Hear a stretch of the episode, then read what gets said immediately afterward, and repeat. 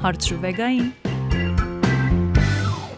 Իմ ռադիոյի եթերում դուք լսում եք Հարցրուվեգային ընկերական ոդքասթը, որտեղ մենք on-line ընկերներով միմյանց հետ կիսվում ենք մեր կենքի տարբեր պատմություններով, ինձ ուղարկում են հարցեր, որոնք ես իրով կարդում եմ եթերում եւ փորձում եմ շեշտում եմ ընկերական խորհուրդը տալ բոլոր այն մարդկանց, ովքեր դրա կարիքը ունեն։ Դուք նույնպես, եթե հայտնվել եք ինչ-որ իրավիճակում, որի մասին չեք ցանկանում բարձրաձայնել հենց ձեր անունից, բայց ուզում եք ինչ-որ մեկի կարծիքը լսել անանուն, ապա կարող եք հետևել ինձ Instagram-ում եւ այնտեղ ուղարկել ձեր անանուն հարցը։ Վեգա Անդրեասյան կարող եք փնտրել եւ գտնել ինձ, չնայած ուզում եմ հիշեցնել, որ նույնիսկ եթե ձեր հարցը ուղարկեք մեր Instagram-յան կամ Facebook-յան էջին, այս այսինքն իմ ռադիոյի էջերին միևնույն է հարցը եթերում հնչում է անանուն, նույնիսկ եթե դուք այն ուղարկում եք ձեր անձնական էջից։ Այսօրվա առաջին հարցը հետևյալն է. ինչպես մոտիվացվել ու տրամադրվել նորմալ նիհարելուն։ Ահա որ քաղցրակեր եմ։ Նախ եւ առաջ միշտ հիշել, որ նիհարելու, քաշ հավաքելու հետ կապված բոլոր հարցերը պետք է բացառապես մասնագետին ուղղել, որովհետև խոսքը ձեր առողջության մասին է։ Ոչ մի դեպքում պետք չէ on-line դիետաներ փնտրել, on-line խորհուրդներ լսել, որովհետև եթե նույնիսկ ինչ որ բան շատ լավ է աշխատել ձեր ծանոթներից ինչ որ մեկի համար, ձեզ վրա կարող է հակառակ ազդեցությունը թողնել կամ վատ ազդեցություն ունենալ, որովհետև նիհարելը, քաշի հետ կապված փոփոխությունները պահանջում են շատ անհատական մոտեցում եւ ոչ բոլորի մոտ է, որ նույն արդյունքը կարող են ունենալ։ Հետևաբար նախ եւ առաջ խորհուրդ եմ տալիս այսպես ասած ինքնագործունեությամբ չզբաղվել եւ դիմել մասնագետի Այլ բան է, որ առողջ ծննդին անցնելը եւ ֆիզիկական ակտիվություն մտցնելը մեր կյանք երբեք ոչ ոքի չեն խանգարում եւ չեն վնասում։ Միակ բանը, որ կարող եմ խորհուրդ տալ, հենց դա է։ Իսկ քանի որ այստեղ հարցը հենց մոտիվացիայի մասին էր, այսինքն ինչպես քեզ համար մոտիվացիա գտնել, ինձ համար օրինակ այս պահին կյանքումս մի շրջան է, երբ ես ստիպված էի այսպես ասած ընտրել կամ իմ հոգեկան առողջության կամ այս պահին նիհարելու միջև, որովհետեւ ինչ որ պահի հասկացա, որ շատ-շատ կենտրոնացել եմ այդ այդ թեմայի վրա եւ դա ինձ սկսել է խանգարել։ Ես սթրես եմ ունենում օրվա ընթացքում եւ հիշում եմ մի օր երեկոյան նույնիսկ լաց եղավ, որովհետեւ կերել էի չնախատեսված ժամին եւ ինքս ինձ վրա այնքան բարկացած էի, որ լաց եղա։ Դա այսպես ասած վերջին կաթիլը եղավ։ Ես հասկացա, որ սա արդեն նորմալ չէ, իմ հոգեբանության համար առողջ չէ եւ ժամանակավորապես դադարեցրեցի դիետան։ Հետևաբար, եթե այս պահին զգում եք, որ չեք կարողանում տրամադրվել, առանձնապես մոտիվացիա չկա, խորհուրդ եմ տալիս ձեզ մի որոշ ժամանակ հանգի հանգիստ տալ, չճնշել եւ ձեր առաջ արգելքներ չդնել, որովհետեւ դրանք նույնպես կարող են հակառակ ազդեցություն ունենալ։ Եթե կա հնարավորություն մասնագետի դիմելու, ապա խորհուրդ կտամ անպայման հենց դա անել, դիմեք սննդաբանի, մարզվեք, իսկ եթե այս պահին ինչ-ինչ պատճառներով նման հնարավորություն չկա, ապա գոնե սահմանափակվեք առողջ սննդով, փորձեք հրաժարվել fast food-ից եւ ոչ մի դեպքում այլ ինքնագործունեությամբ, այսպես ասած, մի զբաղվեք, on-line դիետա հաղթանիշ մի փնտրեք եւ կարեւորեք ձեր թե հոգեկան թե ֆիզիկական առողջությունը եւ դա դրեք առաջին պլանում։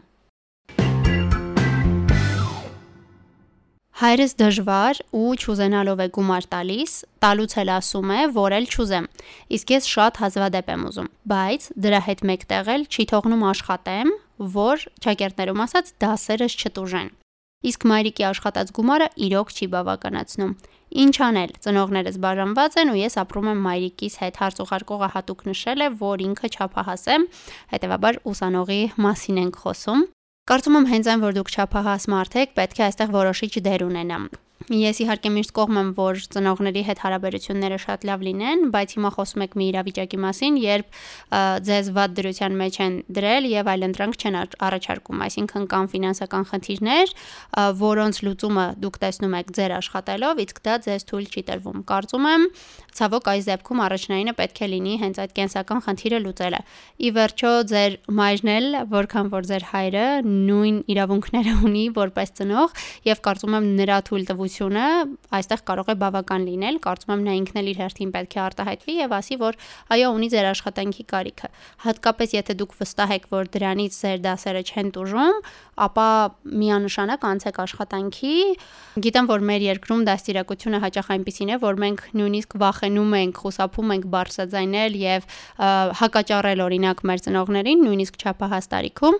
բայց կարծում եմ պետք է ձեր մեջ այդ ուժը գտնեք եւ օրինակ իրեն ասեք, որ որ եկ փորձենք։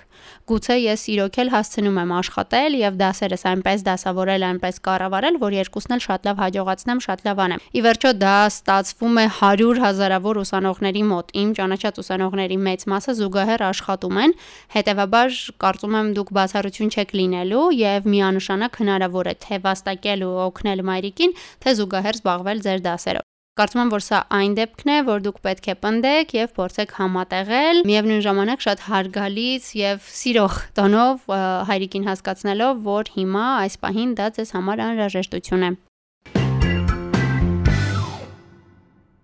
Ինչ անել, երբ ծնողներդ բաժանվել են ու ընդհանրապես իրար հետ շփում չեն ուզում ունենալ։ Չնայած դա շատ կարևոր է երեխաների համար։ Երբ մի ծնողը քեզ թվում է թե ել այնքան էլ չի սիրում, որովհետև քո մեջ մյուս ծնողին է տեսնում։ Շատ շնորհակալ կլինեմ ձեր կարծիքը, խորհուրդը լսելու դեպքում արդեն ես էլ եմ խճճվում։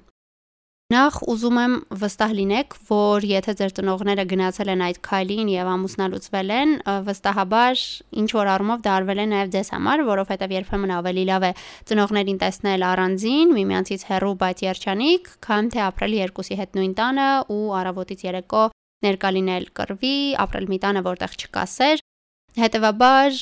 նախ գիտակցեք, որ ինչ տեղի է ունեցել, ամենայն հավանականությամբ հենց այդպես էլ պետք է լինի։ Հատկապես ամուսնալուծությունից հետո առաջին շրջանում բավական բարդ է լինում շփումը, կարծում եմ, եւ ինչ որ առումով նորմալ է, որ այդքան էլ չի ստացվում եւ ցավոք շատ ցավալի է, որ երեխաների վրա է դա անդրադառնում։ Կարծում եմ դուք պետք է փորձեք ամեն ինչ անել, որ նրանց զգացմունքների բեռն այս այսպես ասած ձեզ վրա չվերցնեք Թող ձեզ ոչինչ չթվա, երբեմն դուք կարող եք դա ինքներդ ձեզ տրամադրել։ Խոսքը ձեր ծնողի մասին է եւ մի մոռացեք, որ նա հիմա հաղթահարում է այդ ամուսնալուծության հետ կապված սթրեսը։ Նույնիսկ երբ ընտանիքում այլևս սեր չկա, ոչինչ չի կապում, միևնույն է կան լիք այլ զգացմունքներ, սովորություններ, որոնք կապում են երկու մարդկանց, եւ ամուսնալուծությունը հաստատ երբեք էլ հեշտ չէ։ Հետևաբար, այն որ այս պահին ձեզ թվում է, թե ձեր ծնողներից մեկը ձեզնից հեռացել է, կարող է պայմանավորված լինել հենց այդ անձնական խնդիրներով, մտորումներով, հենց իր մոտ սթրեսի բարձր մակարդակով։ Հետևաբար խորհուրդ կտամ չկապել դա ձեզ հետ, պարզապես ձեր երկու ծնողների համար էլ փորձեք լինել հասանելի, հիշեցրեք նրանց, որ դուք իրենց շատ եք սիրում, այսպես ասած ցույց տվեք, որ դուք իրենց կողքին եք։ Հուսով եմ, որ ժամանակի ընթացքում թե ձեր ծնողները, թե դուք կկարողանաք գալ մի կետի, երբ շփումը հնարավոր կլինի երկուսի մեջ էլ եւ արդյունքում դուք կկարողանաք բավականաչափ սեր ու ծնողական աջակցություն ստանալ թե ձեր մայրիկից, թե ձեր հայրիկից։ Ամենակարևորը ինքներդ ձեզ հետ մի կապեք ու ձեզ մի տրամադրեք, որ ձեզ չեն սիրում։ Խնդիրը միանշանակ հենց ձեր մեջ չէ։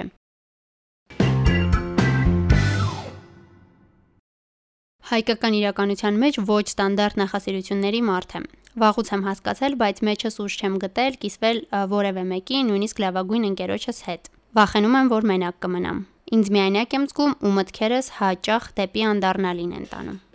Շատ ծանր եւ դժվար հարց է, բայց մի բան խորհուրդ կտամ ձեզ, եթե ունենում եք նման դեպքեր, ապա անմիջապես միանշանակ դիմեք հոգեբանի։ Նման դեպքերի համար գործում են նաև անվճար հոգեբանական ծառայություններ, աջակցություն եւ եթե դուք ունենում եք վատ մտքեր, ապա միանշանակ պարզապես խնդրում եմ, որ ոչ մի դեպքում չհապաղեք ու անպայման դիմեք հոգեբանի։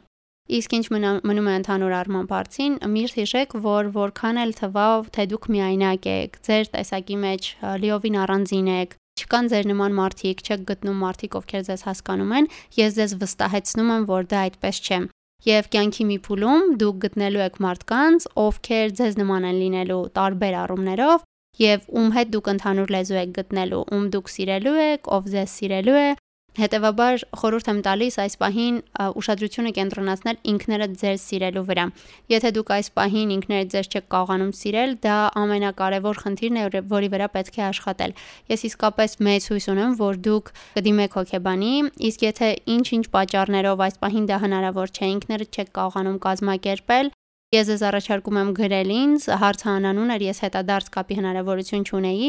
բայց առաջարկում եմ գրել ինձ եւ փորձենք միասին կազմակերպել ձեր այցը հոգեբանի կամ գուցե առանձին զրույց ունենալ Հետևաբար ես ձեզ շատ-շատ խնդրում եմ, որ փորձել ինքներդ ձեզ սիրել, ինքներդ ձեզ ներել, հասկանալ, ջերմ լինել ինքներդ ձեզ նկատմամբ Տեսեք, դուք ասում եք, որ չկան մարդիկ, ովքեր ձեզ կհասկանան, բայց երբ դուք ունենաք ձեր այդ մոտ ընկերոջը ձեր համար կարևոր մարդուն, դուք նրան հաստատ շատ եք սիրելու։ Ես առաջարկում եմ ինչ-որ պահի պատկերացնել, որ հենց դուք եք այդ մարդը ձեզ համար եւ այդ ամբողջ սերը, որ տալու եք ձեր ընկերոջը, ձեր մոտ մարդուն, տվեք ինքներդ ձեզ, որովհետեւ այս պահին դրա կարիքը դուք ամենաշատը ունեք։ Վեգա, ես շատ ալարկոտ մարդ եմ։ Այ քեզ բան։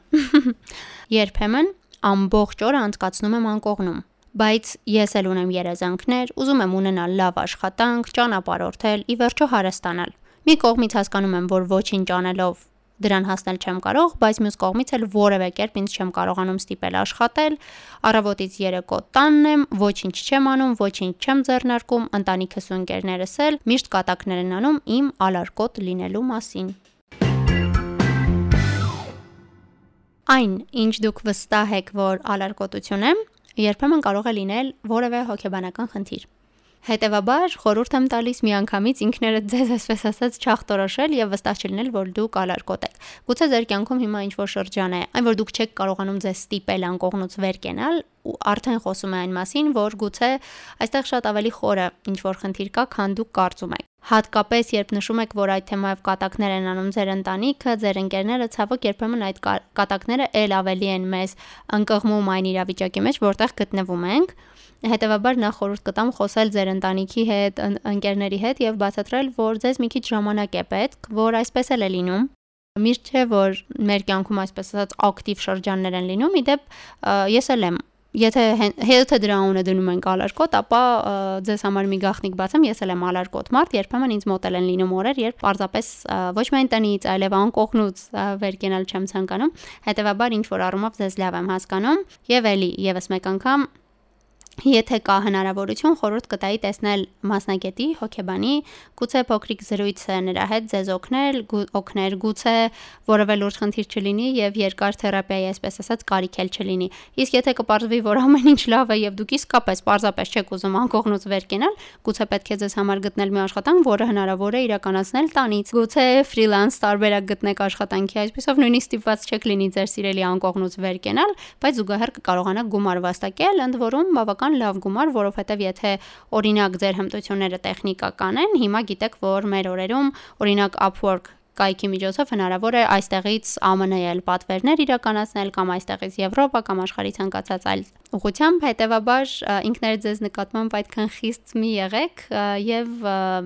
հաշվի առեք, որ սա կարող է մի շրջան լինել, որը կարող է անցնել եւ հետո ծիծաղելով հիշեք այդ շրջանը։ Կհանդիպենք մի շաբաթ, տեսություն։